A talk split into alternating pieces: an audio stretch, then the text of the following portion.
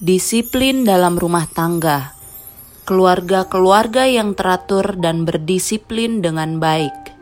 Tugas merekalah yang mengaku diri sebagai Kristen untuk menampilkan kepada dunia ini keluarga-keluarga yang teratur dan berdisiplin dengan baik, keluarga-keluarga yang akan menunjukkan kuasa kekristenan yang sejati bukanlah suatu hal yang mudah untuk melatih dan mendidik anak-anak dengan cara yang bijaksana. Sementara orang tua berusaha untuk mempertahankan keadilan dan takut akan Tuhan, maka kesulitan-kesulitan akan timbul. Anak-anak akan menunjukkan kejahatan yang terkandung di dalam hati mereka. Mereka menunjukkan kesukaan terhadap kebodohan dan kebebasan satu kebencian terhadap pengekangan dan disiplin. Mereka melakukan tipu daya dan dusta. Terlalu banyak orang tua gantinya menghukum anak-anak itu atas kesalahan-kesalahan itu, menjadikan diri mereka buta agar supaya mereka tidak dapat melihat jauh ke dalam dan memahami makna yang sebenarnya dari hal-hal ini. Oleh sebab itu, anak-anak meneruskan perbuatan tipu daya mereka itu sambil membentuk tabiat yang tidak berkenan di hadapan Allah.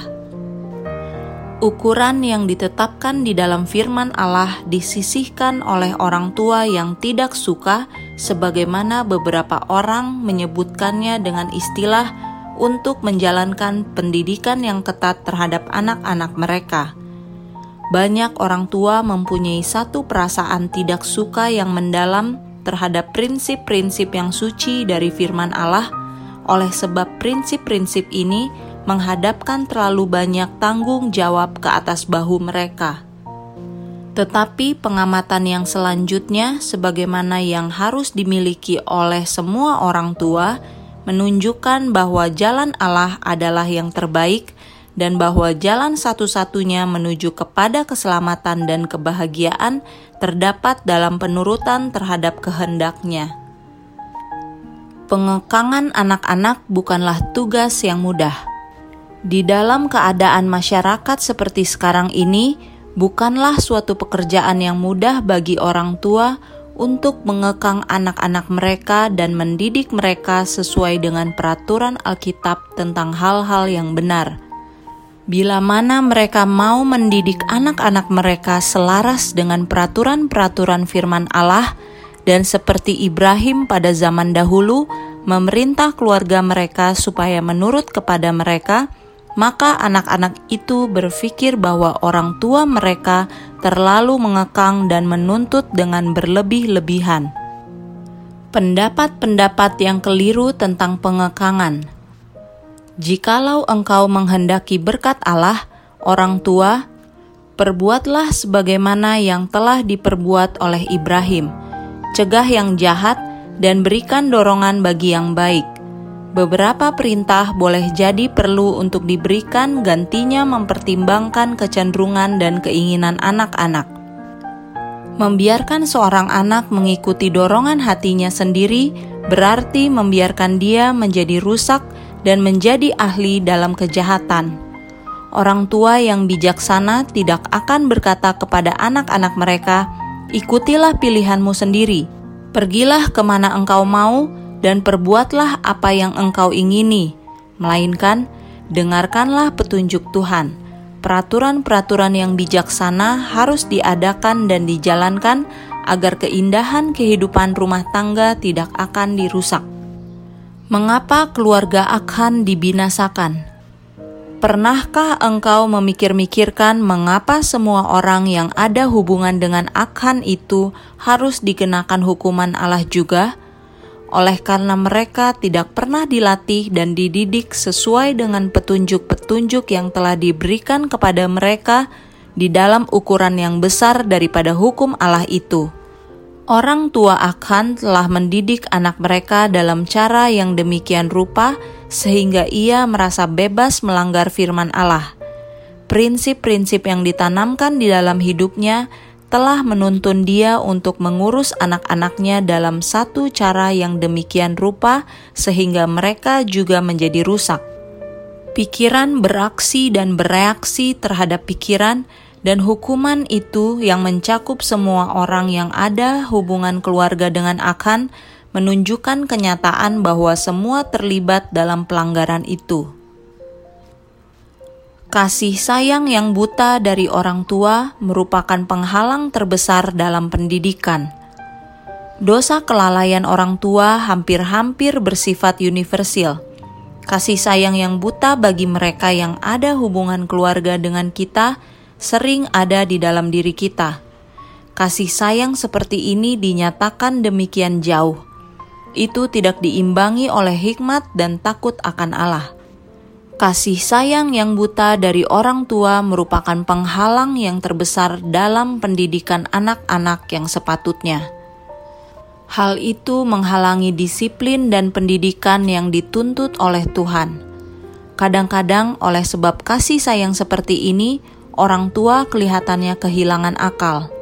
Hal itu adalah sama seperti belas kasihan orang jahat, kekejaman yang dibungkus oleh jubah yang disebut sebagai kasih. Ini merupakan seperti arus di dalam sungai yang menghanyutkan anak-anak kepada kebinasaan.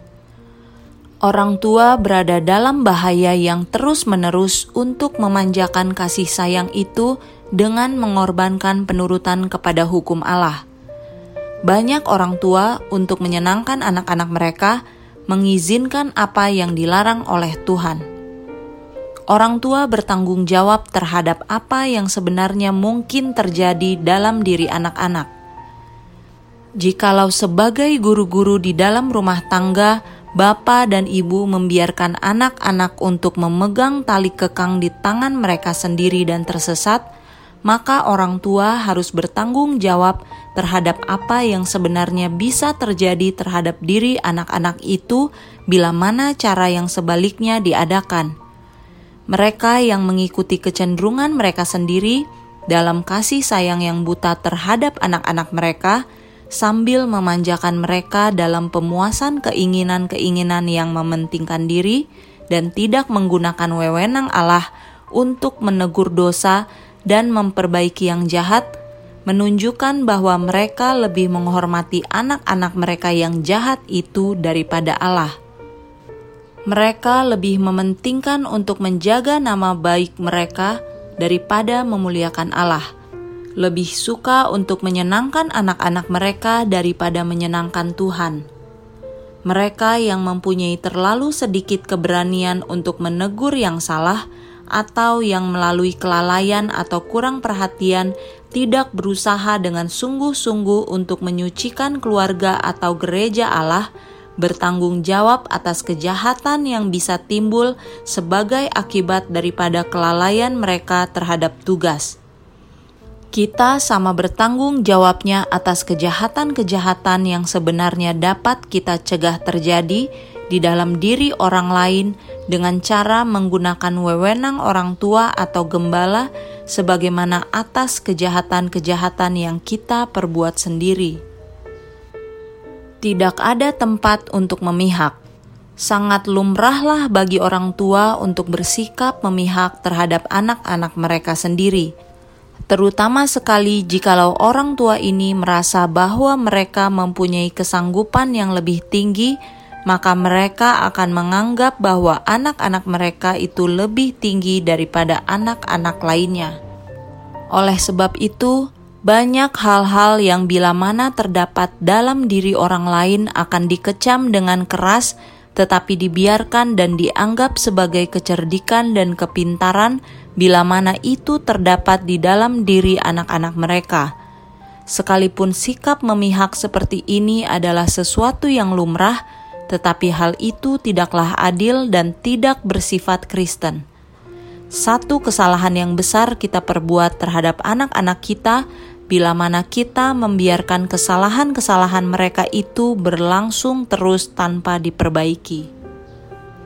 Jangan berkompromi dengan kejahatan.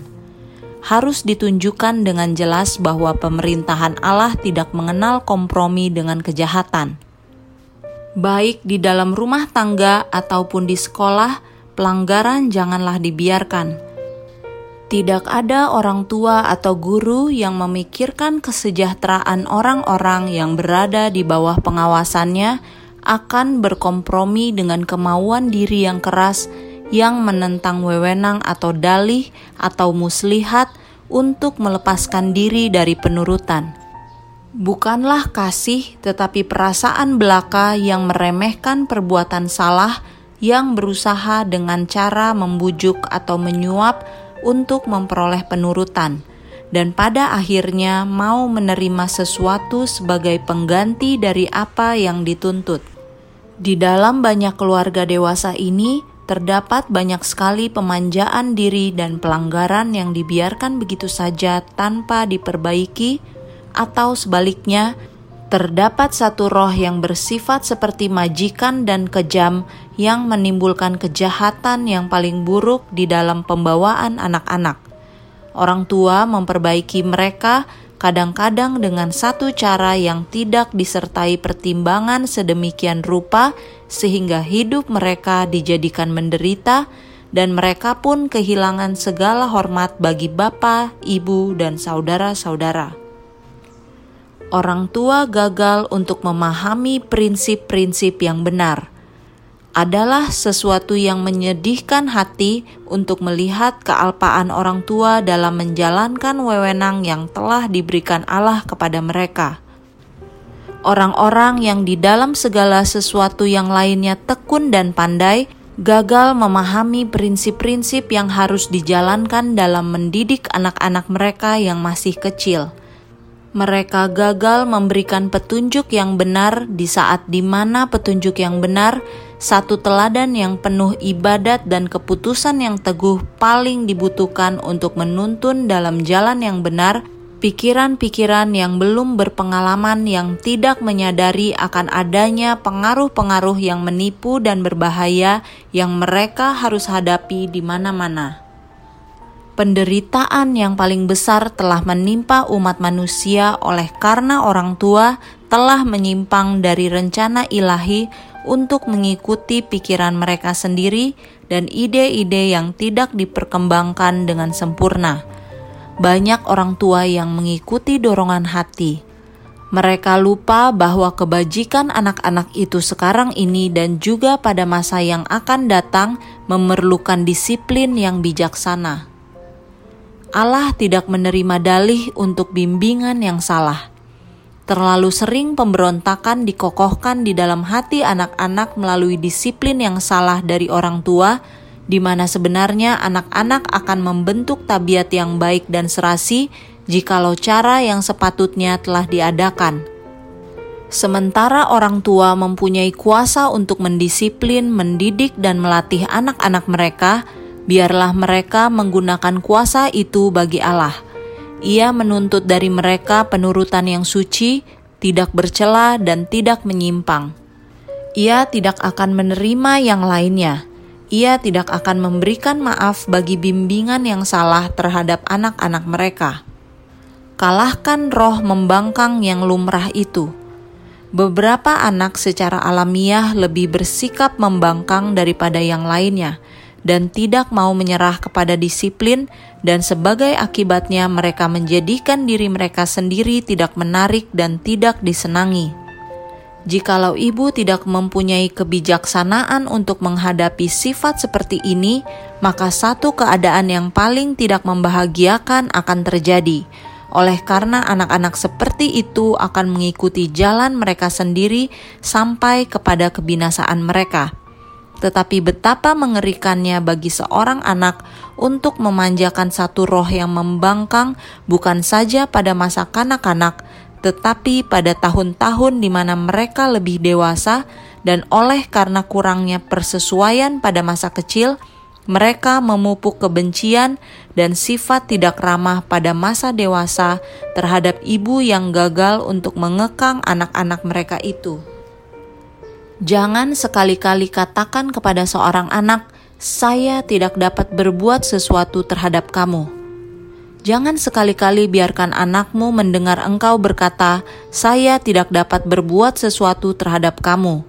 Selama kita masih dapat menghampiri tahta Allah, kita sebagai orang tua harus merasa malu mengucapkan kata-kata seperti itu Berserulah kepada Yesus, dan Ia akan menolong engkau untuk membawa anak-anakmu yang masih kecil itu kepadanya. Pemerintahan keluarga harus dipelajari dengan tekun. Saya pernah mendengar para ibu mengatakan bahwa mereka tidak mempunyai kesanggupan untuk memerintah sebagaimana yang dimiliki oleh orang lain, bahwa hal itu adalah merupakan satu bakat tertentu yang tidak mereka miliki.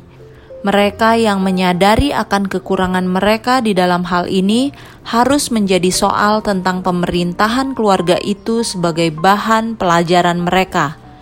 Namun demikian, anjuran-anjuran yang paling berharga yang dikemukakan oleh orang lain janganlah diterima begitu saja tanpa dipikirkan dan disaring. Semuanya itu boleh jadi tidak akan dapat diterapkan dengan cara yang sama untuk segala keadaan setiap ibu atau kepada pembawaan dan sifat yang tertentu dari setiap anak yang ada di dalam keluarga.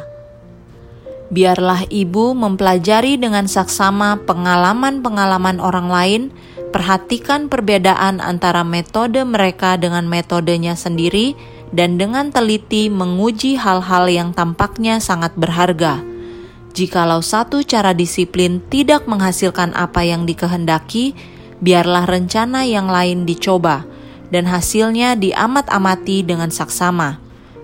Para ibu, di atas segala sesuatu yang lainnya, harus membiasakan diri mereka untuk berpikir dan menyelidiki. Jikalau mereka tekun dalam hal ini, maka mereka akan mendapati bahwa mereka sedang memperoleh kesanggupan yang mereka pikir tidak mereka miliki dan mereka sedang belajar membentuk tabiat anak-anak mereka itu dengan benar. Hasil usaha dan pemikiran yang dicurahkan akan hal ini akan terlihat dalam penurutan mereka, kesederhanaan mereka, dan kesucian mereka, dan itu akan membayar dengan kelimpahan akan segala usaha yang telah diadakan. Orang tua harus bersatu dalam menjalankan disiplin ibu harus selalu memperoleh kerjasama Bapa dalam usahanya untuk meletakkan dasar satu tabiat Kristen yang baik di dalam diri anak-anak mereka. Seorang ayah yang lemah janganlah menutup matanya terhadap kesalahan-kesalahan anak-anaknya hanya karena tiadalah sesuatu yang menyenangkan untuk memberikan teguran. Prinsip-prinsip yang benar harus diteguhkan di dalam pikiran seorang anak Jikalau orang tua bersatu di dalam pekerjaan mendisiplin ini, maka anak itu akan memahami apa yang dituntut daripadanya. Tetapi jikalau bapa oleh kata-kata atau raut muka menunjukkan bahwa ia tidak menyetujui disiplin yang diberikan oleh ibu itu, jikalau ia merasa bahwa ibu terlalu ketat dan berpendapat bahwa ia harus mengimbangi kekerasan itu dengan cara memanjakan, maka anak itu akan menjadi rusak. Tipu daya akan dilakukan oleh orang tua yang bersimpati, dan anak itu segera akan mempelajari bahwa ia dapat berbuat menurut kesenangannya. Orang tua yang melakukan dosa ini terhadap anak-anak mereka harus bertanggung jawab atas kebinasaan jiwa mereka. Gabungkan pengaruh kasih sayang dan wewenang biarlah terang anugerah sorga menerangi tabiatmu, agar ada sinar matahari di dalam rumah tanggamu. Biarlah ada damai, kata-kata yang menyenangkan, dan wajah yang berseri-seri.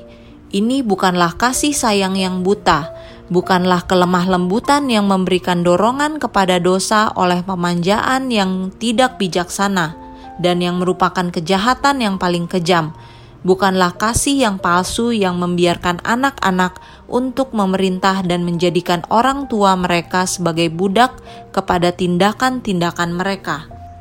Tidak boleh ada sikap memihak di dalam diri orang tua, tidak boleh ada penekanan.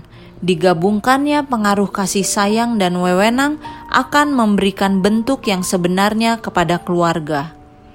Tampilkan tabiat Allah dalam disiplin Jadilah tegas dan teguh dalam menjalankan petunjuk Alkitab, tetapi jauhkan diri dari nafsu. Camkan dalam pikiran bahwa bila mana engkau menjadi kasar dan bertindak dengan tidak masuk di akal di hadapan anak-anakmu, maka engkau mengajarkan kepada mereka hal yang serupa itu. Allah menuntut engkau untuk mendidik anak-anakmu sambil membawa ke dalam disiplinmu itu segala kepemimpinan seorang guru yang bijaksana yang berada di bawah pengendalian Allah. Jikalau kuasa Allah yang dapat mempertobatkan itu dijalankan di dalam rumah tanggamu, maka engkau sendiri akan menjadi sebagai pelajar-pelajar yang terus-menerus engkau akan menampilkan tabiat Kristus dan usahamu ke arah ini akan menyenangkan Allah. Jangan sekali-kali lalaikan tugas yang harus dilaksanakan bagi anggota-anggota yang lebih muda dari keluarga Tuhan. Orang tua, engkau adalah terang rumah tanggamu. Kalau demikian, biarlah terangmu bercahaya-cahaya dalam kata-kata yang menyenangkan, dalam nada yang lemah lembut dari suaramu buangkan segala sengat dari dalamnya melalui doa kepada Allah untuk meminta pengendalian diri. Dan malaikat-malaikat akan berada di dalam rumah tanggamu oleh karena mereka akan memperhatikan terangmu. Disiplin yang engkau berikan kepada anak-anakmu akan mengalir dengan satu arus yang kuat dan jernih dari rumah tanggamu yang diatur dengan benar itu kepada dunia ini jangan ada penyelewengan dari prinsip-prinsip yang benar. Pada zaman dahulu, wewenang orang tua dihargai. Pada zaman itu, anak-anak tunduk kepada orang tua dan merasa takut serta menghormati mereka. Tetapi pada zaman akhir ini, keadaan menjadi sebaliknya. Beberapa orang tua tunduk kepada anak-anak mereka. Mereka takut melawan kemauan anak-anak mereka dan oleh sebab itu menyerah kepada mereka. Tetapi selama anak-anak itu masih tinggal di bawah atap rumah orang tua dan bergantung kepada mereka, maka anak-anak harus tunduk kepada pengendalian mereka. Orang tua harus bergerak dengan penuh kepastian sambil menuntut agar supaya pandangan-pandangan mereka tentang hal yang benar harus ditaati ambil langkah-langkah yang ekstrim bila mana pelanggaran yang sengaja tidak terkendalikan. Beberapa orang tua yang suka memanjakan dan ingin yang senang saja takut melaksanakan wewenang yang sepatutnya terhadap anak-anak mereka yang tidak taat itu, karena takut jangan-jangan anak-anak itu akan lari dari rumah. Bagi beberapa orang, adalah lebih baik berbuat hal ini daripada tinggal di dalam rumah dan hidup dari kelimpahan yang disediakan oleh orang tua mereka, dan pada saat yang sama menginjak-injak segala wewenang yang ada, baik manusia dan ilahi. Boleh jadi hal itu akan merupakan suatu pengalaman yang paling berharga bagi anak-anak seperti itu untuk memiliki dengan sepenuhnya akan kebebasan yang mereka pikir amat menyenangkan itu, untuk mempelajari bahwa diperlukan usaha agar supaya bisa hidup. Biarlah orang tua berkata kepada anak yang mengancam akan lari dari rumah itu, "Anakku, bila mana engkau sudah mengambil keputusan untuk meninggalkan rumah ini daripada mentaati peraturan-peraturan yang adil dan patut, kami tidak akan menghalangi kamu." Jikalau engkau rasa bahwa dunia ini lebih baik daripada orang tua yang telah mengurus kamu dari sejak bayi, maka engkau harus belajar sendiri akan segala kesalahanmu itu. Bila mana engkau mau kembali ke rumah bapamu untuk mentaati wewenangnya, maka engkau boleh kembali. Kewajiban bersifat timbal balik.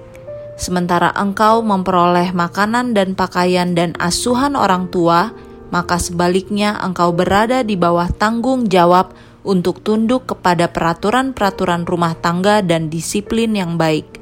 Rumahku tidak bisa dikotori oleh baunya tembakau dengan kenajisan atau mabuk-mabuk. Saya menghendaki agar malaikat-malaikat datang ke dalam rumahku. Jikalau engkau telah bertekad untuk melayani setan, lebih baik engkau tinggal bersama dengan mereka yang persahabatannya akan membuat engkau merasa seperti berada di dalam rumah sendiri. Tindakan seperti itu akan mencegah karir yang merosok dari ribuan orang, tetapi terlalu sering anak-anak mengetahui bahwa mereka dapat berbuat yang paling jahat, akan tetapi seorang ibu yang tidak bijaksana akan membujuk mereka dan menutupi pelanggaran mereka. Banyak anak yang durhaka menjadi sombong oleh karena orang tuanya tidak mempunyai keberanian untuk mengekang mereka. Mereka tidak menuntut penurutan. Orang tua seperti itu sedang memberikan dorongan kepada anak-anak mereka dalam keadaan yang sia-sia dan tidak menghormati Allah oleh sikap memanjakan yang tidak bijaksana itu. Anak-anak muda yang memberontak dan rusak ini yang merupakan unsur yang paling sulit untuk dikendalikan di dalam sekolah dan perguruan-perguruan tinggi. Jangan jemu berbuat baik. Pekerjaan orang tua adalah pekerjaan yang terus-menerus. Hal itu janganlah dilaksanakan dengan sungguh-sungguh dalam satu hari dan diabaikan pada hari yang berikutnya. Banyak orang yang siap memulai pekerjaan itu, tetapi tidak mau untuk terus bertekun di dalamnya. Mereka rindu untuk berbuat sesuatu yang besar untuk mengadakan pengorbanan, tetapi mereka menarik diri dari usaha dan pengawasan yang tekun dalam perkara-perkara kecil yang sehari-hari undur dari pekerjaan untuk membuangkan dan melatih kecenderungan-kecenderungan yang menyimpang dari waktu ke waktu, undur dari pekerjaan untuk memberikan petunjuk, teguran, dan dorongan sedikit demi sedikit sebagaimana yang dibutuhkan. Mereka ingin untuk melihat anak-anak memperbaiki kesalahan-kesalahan mereka dan membentuk tabiat mereka sekaligus, mencapai puncak gunung dengan sekali lompat dan bukan dengan langkah demi langkah yang terus-menerus. Dan oleh karena pengharapan mereka tidak dengan segera menjadi kenyataan, maka mereka pun menjadi kecewa. Biarlah orang-orang seperti itu memperoleh semangat apabila mereka mengingat kata-kata Rasul, "Janganlah kita jemu-jemu berbuat baik, karena apabila sudah datang waktunya, kita akan menuai jika kita tidak menjadi lemah." Anak-anak yang memelihara hari Sabat bisa saja menjadi tidak sabar terhadap pengendalian orang tua dan berpikir bahwa mereka itu terlalu keras. Perasaan-perasaan yang tidak enak bisa timbul di dalam hati mereka, dan pemikiran yang tidak puas dan tidak menyenangkan diperkembangkan oleh mereka terhadap orang-orang yang sedang berusaha bagi kebaikan mereka sekarang ini untuk masa yang akan datang bahkan untuk selama-lamanya. Tetapi jikalau hidup ini bisa berlangsung beberapa tahun saja, maka mereka akan merasa bersyukur kepada orang tua mereka atas segala pengawasan yang ketat dan penjagaan yang saksama terhadap diri mereka itu selama tahun-tahun di mana mereka belum mempunyai pengalaman. Bacalah nasihat-nasihat dari firman Allah. Bila mana anak-anak berbuat kesalahan, orang tua harus mengambil waktu untuk membacakan kepada mereka dengan lemah lembut dari firman Allah tentang nasihat-nasihat yang sesuai dengan keadaan pada saat itu. Bila mana mereka diuji, digoda, atau menjadi kecewa, bacakan kepada mereka kata-kata yang berharga yang penuh penghiburan, dan dengan lemah lembut tuntun mereka supaya berharap kepada Yesus. Dengan demikian, pikiran yang masih muda itu akan dapat diarahkan kepada apa yang suci dan agung. Dan apabila persoalan-persoalan hidup yang besar itu dan perlakuan Allah terhadap umat manusia itu dipaparkan kepada pengertian mereka, maka daya pikir mereka akan digunakan, pertimbangan digunakan, sementara pelajaran-pelajaran tentang kebenaran ilahi ditanamkan di dalam hati mereka. Dengan cara demikian, orang tua setiap hari dapat membentuk tabiat anak-anak mereka agar mereka dijadikan layak untuk hidup bagi masa yang akan datang.